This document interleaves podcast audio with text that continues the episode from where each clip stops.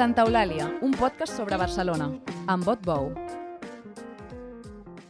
Barcelona és carregada de mitologia i ho hauríem de superar. Qui ho diu és Joan Ramon Resina, professor a la Universitat de Stanford, a Califòrnia, on és cap del programa d'estudis ibèrics. Per superar aquests mites, lògicament, cal analitzar com s'han construït.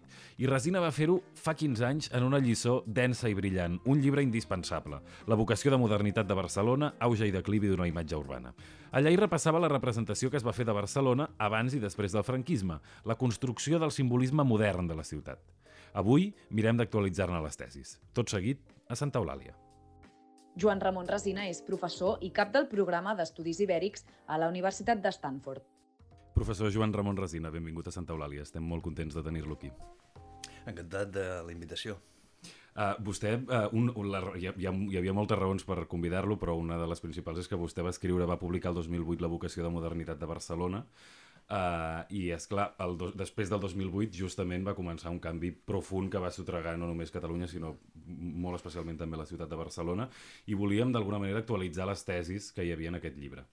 Uh, com, com, com ha canviat la representació de la imatge de Barcelona en els últims 15 anys i especialment amb, el, amb la petjada del procés? Bé, eh, sí, aquest llibre d'alguna manera anunciava el, el final del anomenat model Barcelona. O sigui, és una de les coses de, eh, de les que estic relativament satisfet, no? que, la, que la darrera, les darreres poques pàgines del llibre jo venia a dir que aquell model eh, de Barcelona a Barcelona que aspirava a ser una ciutat moderna quedava cancel·lat. No? Eh, ho vaig dir una miqueta avant la lettre, no? perquè va, va trigar força, va trigar anys en, en permear la consciència col·lectiva de la ciutat, però efectivament el temps m'ha donat la raó.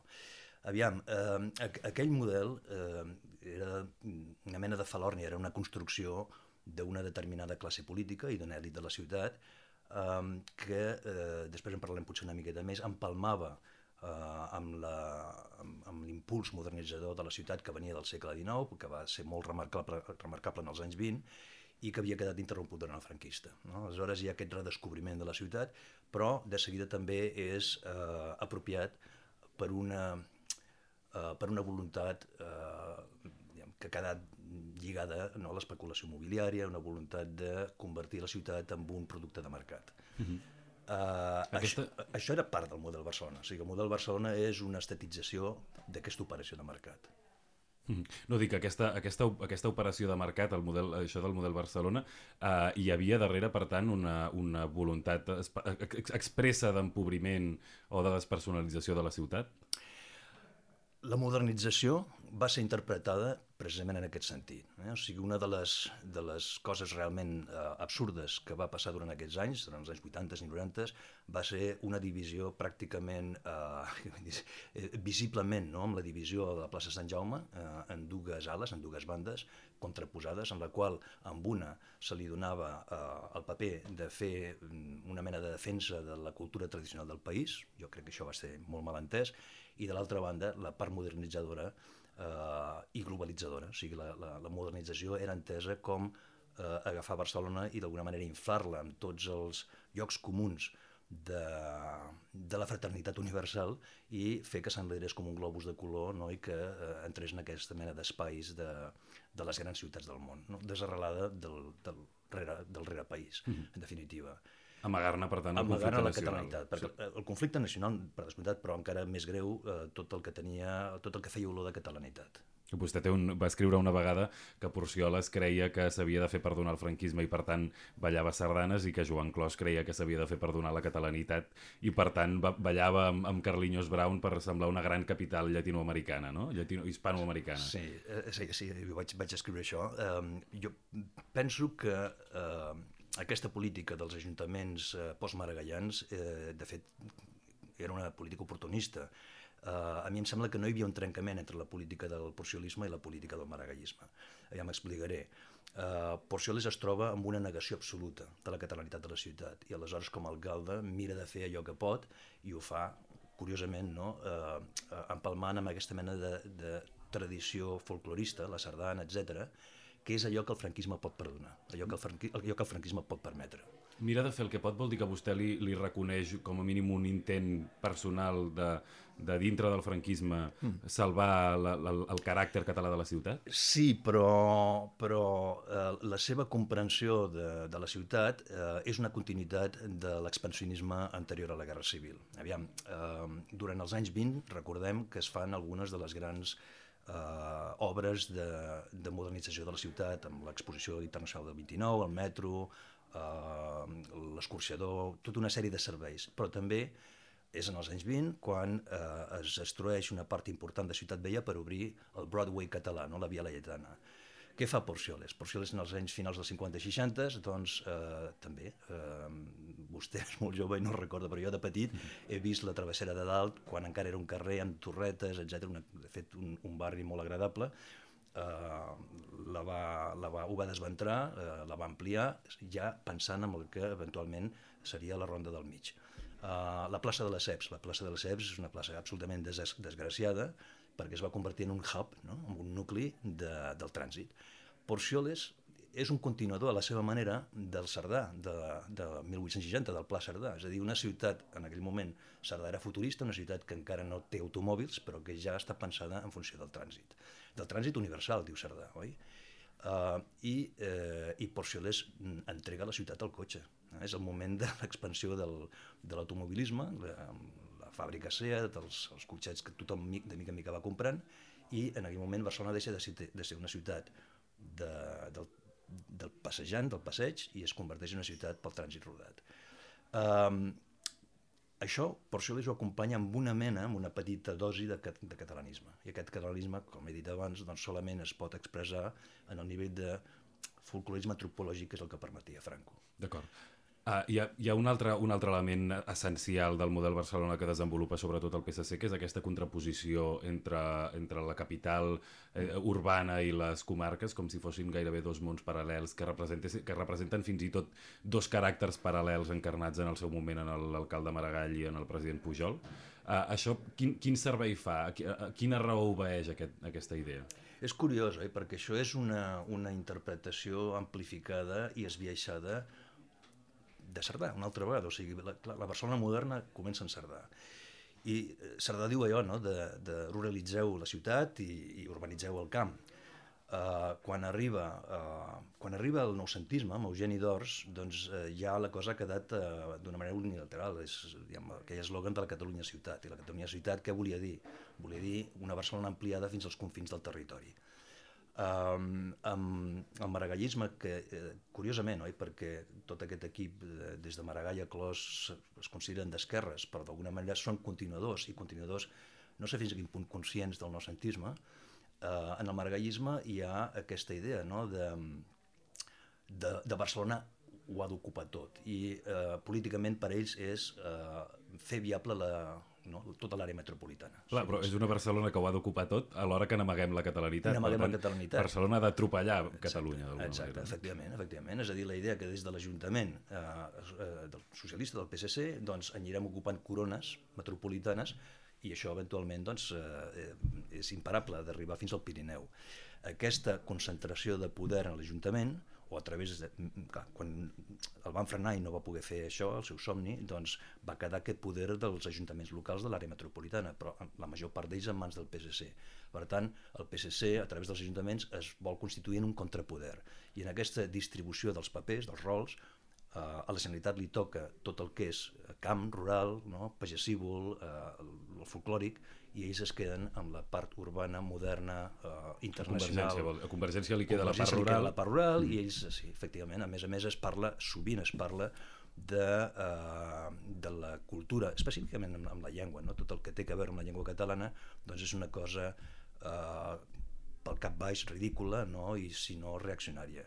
A mi m'han arribat a dir, fa anys, eh? però diguem, per algun dels meus articles uh, Eh, abans del VilaWeb, de l'etapa VilaWeb, pues, algun diguem-ne intel·lectual d'aquest país eh, m'ha descrit com un intel·lectual amb barretina.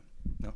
Aquesta noció de que posar l'accent en la catalanitat doncs, sí, és a dir, català, amb és, és, és, és, és, és, és, Per què ni Trias ni Colau no són capaços de desprendre's ben bé, potser em contradiu, potser pensa que sí que ho han fet, però per què no són capaços ni un ni l'altre de contradir uh, les tesis i aquesta idea del, del maragallisme?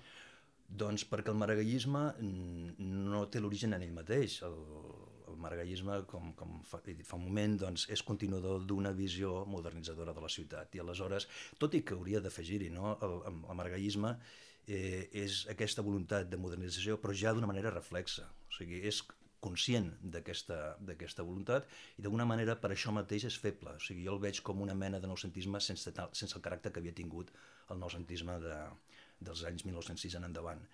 Uh, què fa? Doncs uh, substitueix uh, allò que pels modernistes, ara penso en l'arquitectura, no? pels modernistes uh, era una qüestió d'estructura i d'utilització nova uh, una aplicació nova de, dels materials de construcció, ferro, el, el, el maó vist, etc etc. Eh, en el, durant l'etapa de Maragall el que hi ha és una utilització dels elements estètics, però sense aquest fons, no? sense aquest fons estructural. Què fan? Doncs eh, eh, miren no? de generar aquesta imatge de la ciutat moderna, ultramoderna, a base de comprar eh, edificis de, de signatures d'arquitectes internacionals. Jean Nouvel, no? el, el Richard Mayer eh, i tota mm. aquesta mm. gent. Però, al mateix temps, l'arquitectura local, que té un poder important a l'Ajuntament durant aquests anys, se'n diu de Barcelona la ciutat dels arquitectes, eh, l'arquitectura que acompanya aquests edificis emblemàtics és molt mediocre, no té comparació amb, amb el modernisme. El modernisme havia tingut unes primeríssimes figures i al mateix temps tota una sèrie d'imitadors o d'epígons que van deixar edificis, eh, botigues, realment que avui dia les considerem unes, unes gemes, o sigui, les volem conservar perquè tenen un valor. De tot això que es va en els anys finals 80, 90, començaments del, del 2000, jo penso que quedarà molt poc. Mm. Però, per tant, d'alguna manera podem dir que el, el maragallisme és una mena de, de rejuveniment amb culte i amb, amb bigoti, diguéssim, de servir els interessos de Madrid i ja està? O, o hi, ha una, hi ha una pretensió més, més local i més... I més eh, no, hi ha una pretensió, de, hi ha una pretensió de, de convertir Barcelona en una ciutat anacional en competició amb la resta de ciutats importants en el món, no? de, de posar-la en aquesta xarxa de ciutats. Mm -hmm. Però això naturalment forma part de, de, de, de, de la voluntat de vendre Barcelona, de posar-la en el mercat internacional de ciutats. Per tornar a la pregunta, que no l'he respost encara, no? Mm -hmm. o sigui, si encara hi ha aquesta continuïtat en Colau o Trias, Uh, a, mi, a mi em sembla que el no haver-hi, jo no el veig, el no haver-hi un altre projecte important de la ciutat de Barcelona, el que fan aquests alcaldes és d'alguna manera continuar, hi ha un continuisme, però cada vegada més a la baixa, perquè uh, allò que queda del model Barcelona és residual. O sigui, s'alimenten, d'alguna manera Barcelona sobreviu a ella mateixa alimentant-se de les deixalles. En el cas de Trias també s'hauria de dir, o sigui, Trias, l'equip Trias, no? en els pocs anys que van estar a l'Ajuntament, del 2011 al 2015, em sembla que hi va haver un, un petit accent diferencial que mm, va permetre que d'alguna manera, no en aquest nivell més formal, hi hagués una certa receptivitat, el, comencés a haver una certa receptivitat a l'independentisme. Posaré una anècdota personal, el 27 de, crec que va ser el juliol, ara potser m'equivoco, no, el juliol, el 27 de juliol del, del 2009, per tant dos anys abans de que Trias fos alcalde, mm -hmm. um, vam ser uns quants, no érem gaires. Que vam... En l'època de les consultes de... abans, populars. Just, just, just abans. abans. Sí, o sigui, això va, és l'inici, no? perquè va, va haver una petita manifestació de gent que vam anar fins, al, vam baixar pel Passeig de Sant Joan i vam arribar al Parlament eh, amb la voluntat de parlar amb els diputats del Parlament. Van sortir-ne tres o quatre, Uh, jo vaig ser comissionat per anar, van ser tres o quatre de nosaltres, dels manifestants, que, que ens vam acostar a parlar amb aquests diputats, ara no diré qui eren, um, no es vaig fer gens de cas, no? però aquella manifestació era ja per demanar una, una DUI. Eh? I eh, l'anècdota és que aquella manifestació no va estar autoritzada per l'Ajuntament, o sigui que la van fer d'una manera il·legal. Pocs anys després, ja sabeu la història, no? O sigui, es farien aquelles, aquelles eh, referèndums eh, començant pel d'Arenys de Munt i els altres i desembocaria tot plegat en el del 2017. Mm -hmm. Llavors això eh, eh, que ens va passar, que vam fer una manifestació no autoritzada, penso que durant l'etapa de Tries hagués estat autoritzada crec que hi hagués hagut hi havia aquesta un, hi havia, receptivitat. d'alguna manera hi va haver un canvi de sensibilitat Una o de, mica, clarament. de- d'amabilitat per part de la ciutat en certes tesis nacionals. Efectivament. Ah, En el llibre vostè, com ja abans ho explicava, augura un declivi de la ciutat. 15 anys després, aquest declivi vostè el veu? Sí, sí, sí, sí.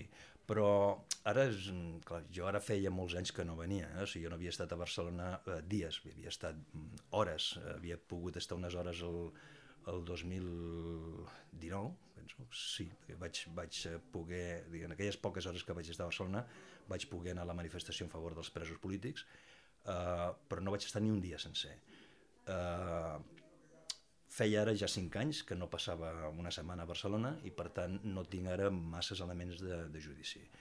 Però he de dir que no he vist en aquests moments la ciutat molt gaire més deteriorada que no pas fa 5 o 6 o 7 anys. Per tant, jo diria que la decadència de Barcelona, que tothom remarca, no, amb l'Ajuntament de l'Ada Colau i els comuns, etc, potser sí que s'ha accentuat, no tinc ara realment capacitat de dir fins a quin grau, però no va començar amb Ada Colau, o sigui, ja ve d'abans. És a dir, Barcelona decau mm, pràcticament des de que s'esgota el model. No? Dir, eh, El punt d'inflexió són els Jocs Olímpics? el punt. No, eh, el, el punt d'inflexió on comença la decadència és el fòrum. El fòrum és l'èxtasi del model de Barcelona. Per què? Què passa amb el fòrum? El fòrum és, eh, diguem, és l'apoteosi del model, però ja eh, amb, diguem, amb, amb el rerefons, amb l'ombra del fracàs anunciat. Allò és un intent, de, a més és un intent, eh, jo crec que poc intel·ligent, d'aconseguir un altre, un altre esdeveniment de la categoria dels Jocs Olímpics, com que no ho poden tenir, eh, doncs eh, s'inventen aquesta, aquesta història. I mm, penso que des del punt de vista de, de l'atracció eh, turística va ser molt, molt inferior i a més va deixar claríssim no, un, una sèrie de, de problemes que, ara no és qüestió no, de, de fer recompte, però una sèrie de problemes que es van, es van notar. Va haver una diferència gran entre la, gran, la grandiloquència no, i la publicitat que se'n va fer i allò que es va aconseguir. Llavors, eh, per a mi era clar ja en aquell moment, el 2004, és a dir, el llibre es publica el 2008, però jo aquest llibre l'acabo el 2004, després el vaig retocar una miqueta, però l'editorial ja el tenia el manuscrit des de, com a mínim des del 2006. I, i penso que ja a partir del 2004 eh, mm, eh, un podia entreveure que el fòrum era l'últim gran intent de fer una, una cosa, un, un macroesdeveniment, i aquell fracàs relatiu, però fracàs al cap i a la fi, anunciava que el model estava esgotat. I un altre aspecte del fòrum, eh, va haver, mm, en tots els esdeveniments culturals que es, van, que es van organitzar, va predominar aquesta visió no, cosmopolita o falsament cosmopolita de la ciutat en detriment de la catalanitat. És clar, hi ha un risc amb aquest relat de la decadència que de fet um, fins i tot amb, una, amb, una, amb, bueno, amb molta intensitat en molts mitjans eh, els últims anys eh, s'ha practicat, que és que hi hagi a darrere el relat aquest de vosaltres com a catalans no us en sortiu a l'hora de gestionar la vostra ciutat, val més que sigui una ciutat de, de províncies espanyola o que efectivament sigui com una mena de, de, de sucursal i ja està. No? no deixeu de somiar en convertir, Catalu en convertir Barcelona en alguna cosa més. Aquest és el gran repte, oi? O sigui, qui tindrà raó al cap i a la fi? Aquest és el gran... Tal, tal com jo veig el, el, moment actual, el moment polític, però també de definició de la identitat de la ciutat, aquesta és la gran qüestió. Eh, els catalans eh, tindran prou voluntat no? per, per fer aquest pas i insistir en la necessitat d'una capitalitat política o es conformaran amb una ciutat, amb una segona ciutat dintre del panorama espanyol, però una, una segona categoria que, a més a més, li serà, cada vegada li serà més disputada per altres capitals de província. Mm. Això, aquesta idea de, de decadència, que de fet contrasta mm, frontalment amb la idea de la vocació de modernitat, eh, és nova? És una cosa mm, recent? No, Que La, no. la trobem com a, com a mecanisme històric que es fa servir sovint? Um, va, o sigui, aviam, la història de la cultura catalana té un llarg període, no? de, de diversos segles de la dita decadència. Si pensem en termes estrictes de la ciutat, eh, jo aquí el que voldria remarcar és que hi ha sempre, eh, històricament, hi ha eh, una relació directa entre els moments de una certa eh, concentració de poder polític a Barcelona i, per tant, les responsabilitats que el poder polític comporta i eh, els moments brillants de la cultura. cada vegada que hi ha hagut una davallada d'aquest poder polític o que ha desaparegut directament, que Barcelona s'enfonsa. Uh, decadència, doncs, aviam, uh, més aviat hauríem de pensar quins són els moments brillants. No? Abans n'hem parlat del modernisme. El modernisme és un esclat uh, de les arts, del, fi, de tot, no? des de la música, l'arquitectura, uh, les publicacions, recordem que hi ha la fundació de l'Avenç, uh, les arts uh, diverses... Uh, què passa? Com és que això és possible? És possible perquè en aquells moments hi ha una concentració de poder econòmic que també va acompanyant no, del, de l'auge del catalanisme polític. Uh, tot això se'n va en risc uh, breument als anys 20, uh, eh, durant la dictadura de Primo de Rivera, però uh, és una dictadura prou breu i, i no tan profunda com la que ve més, més tard, que permet també una refer-se en els anys 30, però això també va durar poquíssim. El llarg període del franquisme és, evidentment, és un període d'ensorrament, de, d'ensorciada. Barcelona no té absolutament cap poder, hem parlat abans de la miqueta, no, d'allò que fa Porcioles, però eh, no hi ha poder de cap manera, no hi ha noció de capitalitat i, per tant, la cultura eh, barcelonina d'aquells anys és, és força grisa. En els anys 80 hi ha una represa, hi ha, hi ha una certa il·lusió que a desgrat d'aquesta divisió a la plaça de Sant Jaume, d'alguna manera eh, apareix pels dos costats. Apareix per la banda de, de, de l'urbanisme, agradi o no agradi, i apareix per la banda també de la recuperació de la llengua catalana en les publicacions i tota una sèrie de coses. Mm. Em sembla molt rellevant que parli justament d'aquesta correlació entre la fortalesa del catalanisme polític i, el, i, els, moments, eh, i els moments brillants com el, com el modernisme, perquè de fet amb el procés, no, no en termes eh, de ciutat, eh, però almenys en termes d'obrir el joc democràtic en l'espectre polític, mm. fins i tot a nivell de l'estat espanyol, és una cosa que passa, que, el, que, que el, eh, en el moment en què el catalanisme es transforma en independentisme i torna a agafar força, el, el, el debat creix, la creativitat creix, el debat, els debats d'idees creixen, això, el, el problema d'ara és aquest? El problema del, sí. és el replegament polític sí. i per això la ciutat també està sí. més sí, engaviada? Sí. No només això, sinó que a escala internacional Catalunya comença a existir,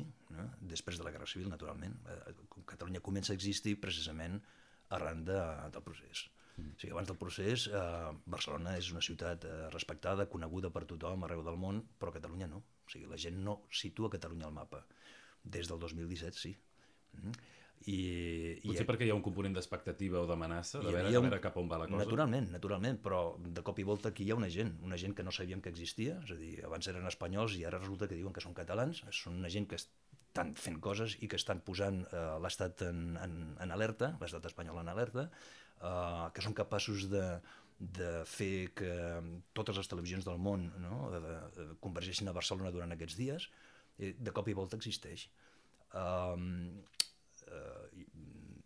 aquest moviment va envoltat també de, jo crec que d'una intensa eh, activitat intel·lectual, publicació de llibres, articles, eh, spots no, de, de suport al, al, al referèndum, etc. alguns d'ells meravellosos, o sigui, estèticament realment molt impactants. Tot això, de cop i volta, eh, fa que Catalunya sigui, sigui un país que la gent ja sap que existeix i que sap que comença a saber a, a, quin, a quin continent està. No? Mm.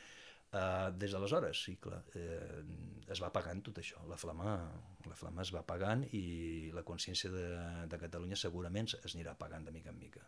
Hi ha una... Hi ha una en el cas de Barcelona, això que dèiem del joc democràtic es veu molt clarament perquè hi ha una hegemonia de pràcticament 35, gairebé 4 dècades del PSC eh, i després de cop i volta mai hi havia hagut tants partits en l'hemicicle municipal sí. i ara, eh, ahir justament sortia un sondatge que deia que el PSC podia tornar a governar. A què ho atribueix aquesta, aquesta reviscolada del PSC en l'àmbit municipal?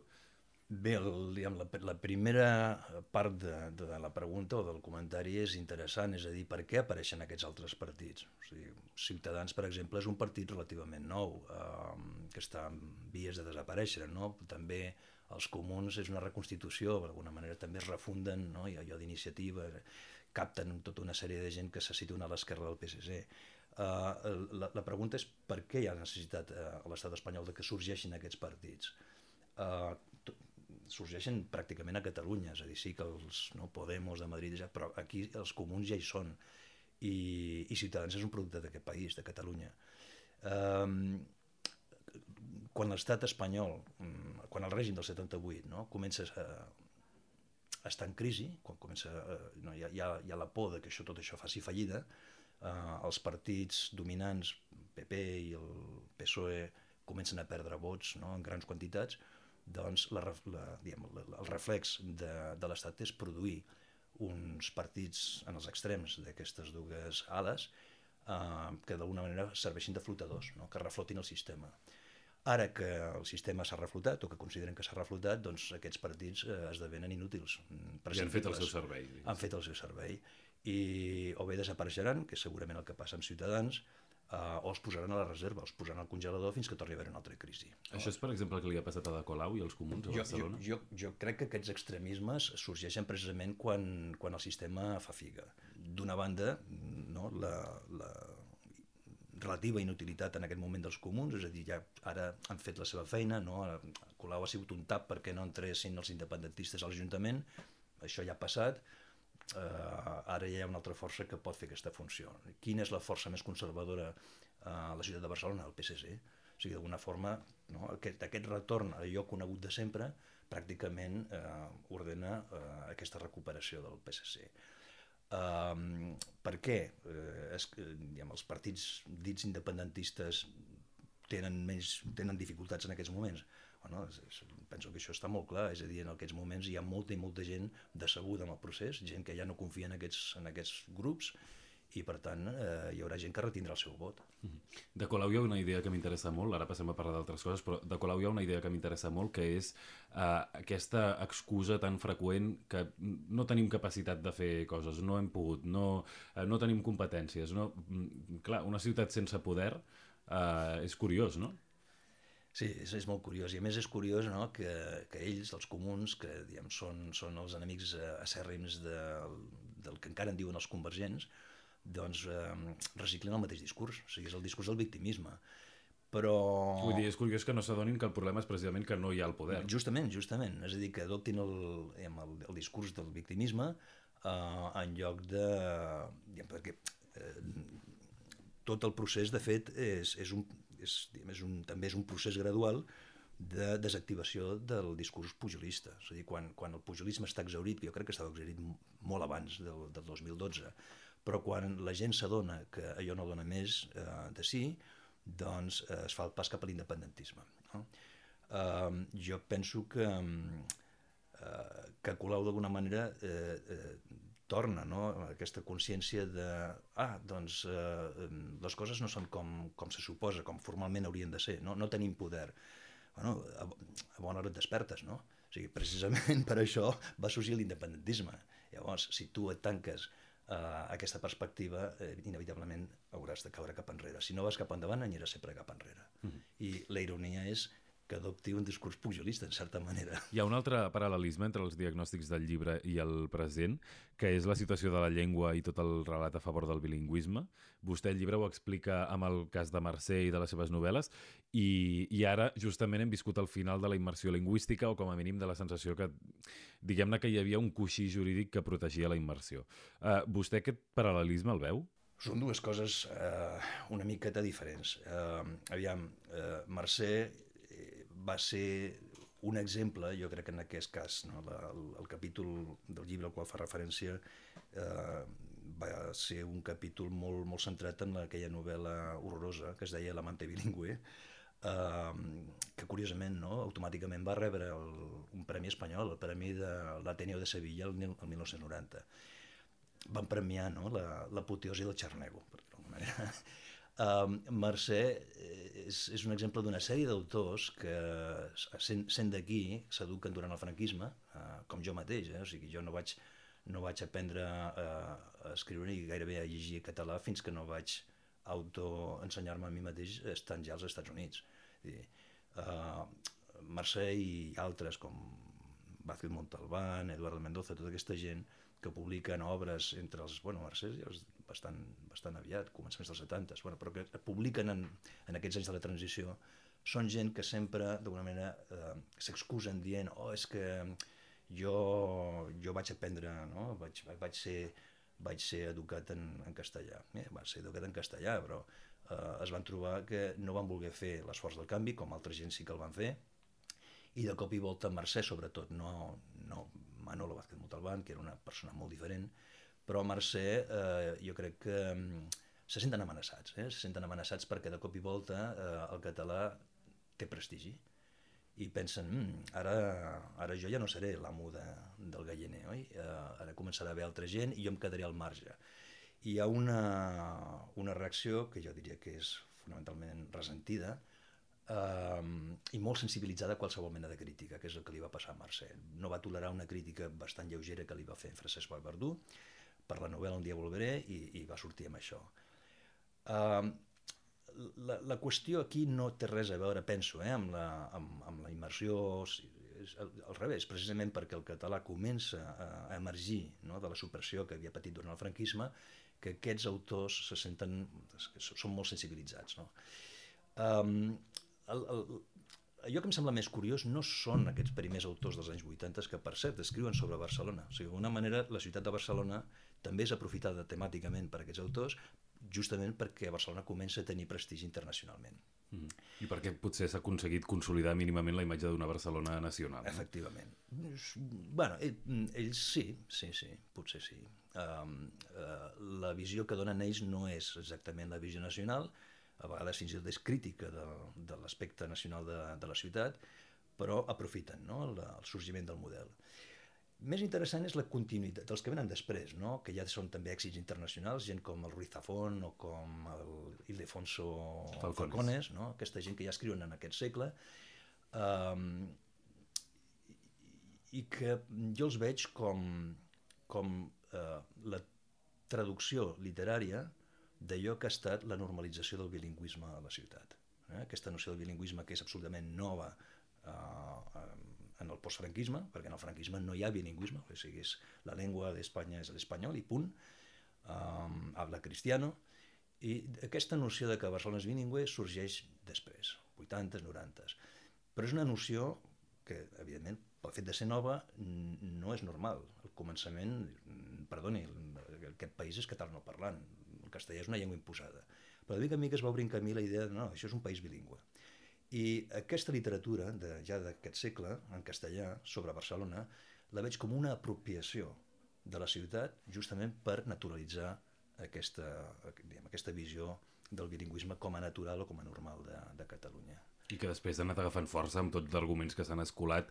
Per exemple, l'any passat hi va haver una polèmica eh, bastant forta a les xarxes perquè l'Ajuntament promocionava les rutes literàries que es feien aquí a la ciutat amb llibres amb noms com precisament Ruiz Zafón o Ildefonso Falcones i l'argument que va donar l'Ajuntament com a resposta a les crítiques va ser que, evidentment, de cara als turistes, a qui s'havia d'apel·lar era als lectors del Ruiz Zafón, no pas els de Mercè Rodoreda o de, o de qui fos, no? Sí, sí. Um, uh, per què ara, ara com ara a Barcelona, uh, no, no, o sigui, per què no hi ha una resposta a això, una literatura catalana, en català, lògicament, realista, que miri d'explicar la ciutat a través de la novel·la en els últims 20-30 anys? Sí, d'acord, hi ha dos o tres bolets, però per què, per què hi ha aquest, aquesta, aquesta mancança tan estranya en una ciutat tan mm. important com Barcelona? Aviam, jo aquí ara hauré de, hauré d'escapar-me de, una miqueta per la tangent. Eh? Dir, he de reconèixer que no segueixo, no estic al dia de la narrativa que es produeix en català o en castellà. O sigui, no, no, no estic llegint les novel·les més actuals, però així, molt per sobre, tinc la sensació, bueno, primer, que, que la novel·la sobre la ciutat eh, estava molt vinculada al modernisme literari. Modernisme no en el sentit del modernisme català, sinó en el sentit anglosaxó de la paraula, eh? o sigui, el modernism. Uh, pensa en autors com Joyce, no? Dublín de Joyce, o Virginia Woolf, Londres. Uh, en alemany, uh, Alfred Döblin, Berlín, Musil, Viena... O sigui, tot, el, el modernisme literari uh, és el moment de la, de la gran novel·la urbana. No perquè les trames estiguin situades en una ciutat, sinó perquè la ciutat esdevé protagonista. Que és el que aquí triguen a arribar, aviam, aquí hi ha excepcions, o sigui, naturalment en el segle XIX, vist el primer capítol del meu llibre, hi ha la febre d'or de Narcís Uller, que és, és bàsicament la construcció de l'Eixample de Barcelona. Um, estirant molt, diguem, estirat, portat pels cabells, diríem potser vida privada de Josep Maria de Sagarra, no? més endavant, que parla del, del Raval, del barri xino en aquella època. Uh, però uh, aquest impacte no, de Barcelona com a protagonista de novel·les és posterior, és, o sigui, aquí mm, això arriba tard, segurament a causa del franquisme, però és Eduardo Mendoza, la ciutat de los prodigios. És en castellà. No? És en castellà, efectivament. Llavors, bé, el, diguem, la ciutat elevada a la categoria de mite, eh, que això també una altra vegada, no? Eh, ja comença amb el noucentisme, doncs eventualment els mites s'esgoten, no es pot estar sempre treballant sobre el mateix, la mateixa idea. I jo penso que d'alguna forma eh, insistir en, en escriure sobre Barcelona eh, com, a, com a focus d'una novel·la, d'una trama, d'una narrativa, avui dia mm, està molt gastat, està suat, és un tema suat. Llavors, eh, què estan fent els novel·listes? Bueno, clar, encara, encara n'hi ha de pígons eh, que van, tornen a això, però a mi em sembla que el que hi ha, i també és força repetitiu, eh, diem, és, és un èmfasi bastant amb la història, hi ha novel·la històrica, algunes eh, per, per raons de, diguem, de fantasmes personals o familiars, que és el cas de Cercas, eh, o aprofitant efemèrides històriques, eh, centenaris, etc, com el cas del Sánchez Pinyol en Victus, eh, o bé eh, tenim eh, el que en diuen novel·la intimista, no? que és, és una mena de, de marca molt genèrica, però que hi cap tot allò que és eh, eh, consideracions subjectives, drames personals, etc, que té un interès relatiu, que jo crec que el, el seu futur, el, el seu valor en el futur és, és bastant incert. Però no hem d'oblidar que en català, eh, en, en aquests anys que van del 80 eh, fins ara, hi ha una altra novel·la no urbana de gran valor. Però curiosament, els, diguem, els, els, autors, els autors més rellevants mm, no són de, de dintre no? Del, de, de la jurisdicció oficial de Catalunya. Estic pensant en Francesc Serés, no? i estic mm. pensant en Jesús Moncada, gent de la franja, que escriuen sobre... No? Moncada té, té unes novel·les sobre mequinensa que són absolutament meravelloses. Serés és un gran escritor. Uh, aquesta gent, com no són Joan Lluís Lluís, per exemple, que és de Perpinyà. Sí, no l'he llegit, sé qui és, no l'he llegit, però m'imagino que també té una altra, no? una altra perspectiva. Aleshores, aquestes persones jo crec que són els que tenen uh, una potència narrativa important en aquests moments. Mm -hmm. Uh, per acabar, doncs, uh, parlem de, de futur de la ciutat. Com el, com, com el veu? Hi ha, hi ha un moment uh, que vostè parla de, de que potser convindria passar del cofoisme de la Barcelona guapa al, a una mena de realisme. El realisme és prendre consciència simplement mm. que s'està produint aquest declivi i que hi hem de fer alguna cosa o mm. és, hem d'anar una mica més enllà? No, el realisme és eh, mirar de superar eh, tota la mitologia. Eh? I Barcelona és una ciutat molt carregada de mitologia. Aleshores, superar, mirar mm, les coses, els, els, el, diguem, els esdeveniments, el dia a dia, el futur no el podem conèixer, eh? o sigui, per definició el futur és allò desconegut, uh, qui parli de, no, de, de treballar pel futur o de valorar el futur per sobre del passat, cosa que fan els polítics contínuament, o bé uh, no entès res, no? uh, o bé uh, simplement és un irresponsable. Uh, el futur mm, generalment ens cau al damunt, eh? o sigui que el, el que podem fer a vegades és defensar-nos del futur, si és un futur no gaire, eh, no gaire agradable, però no el podem predir Aleshores, eh, per això el realisme per a mi és, és d'alguna manera, és, és eh, no, mirar de, de superar els condicionants adquirits pel pensament i analitzar les coses tan objectivament com sigui possible. Barcelona en aquests moments, bueno, el, el, que, el que ha canviat radicalment, això sí que es pot veure, només cal anar pels carrers, eh, és una presència molt més gran d'estrangers i no només turistes, o sigui, hi ha aquesta divisió de treball, uns són turistes, venen per dies, i altres venen a quedar-s'hi. Um, això, doncs, eh, és, és un desafiament, sobretot per, per la voluntats és que encara n'hi ha de realment de preservar una idea de catalanitat de la ciutat de Barcelona. Com s'ha de fer?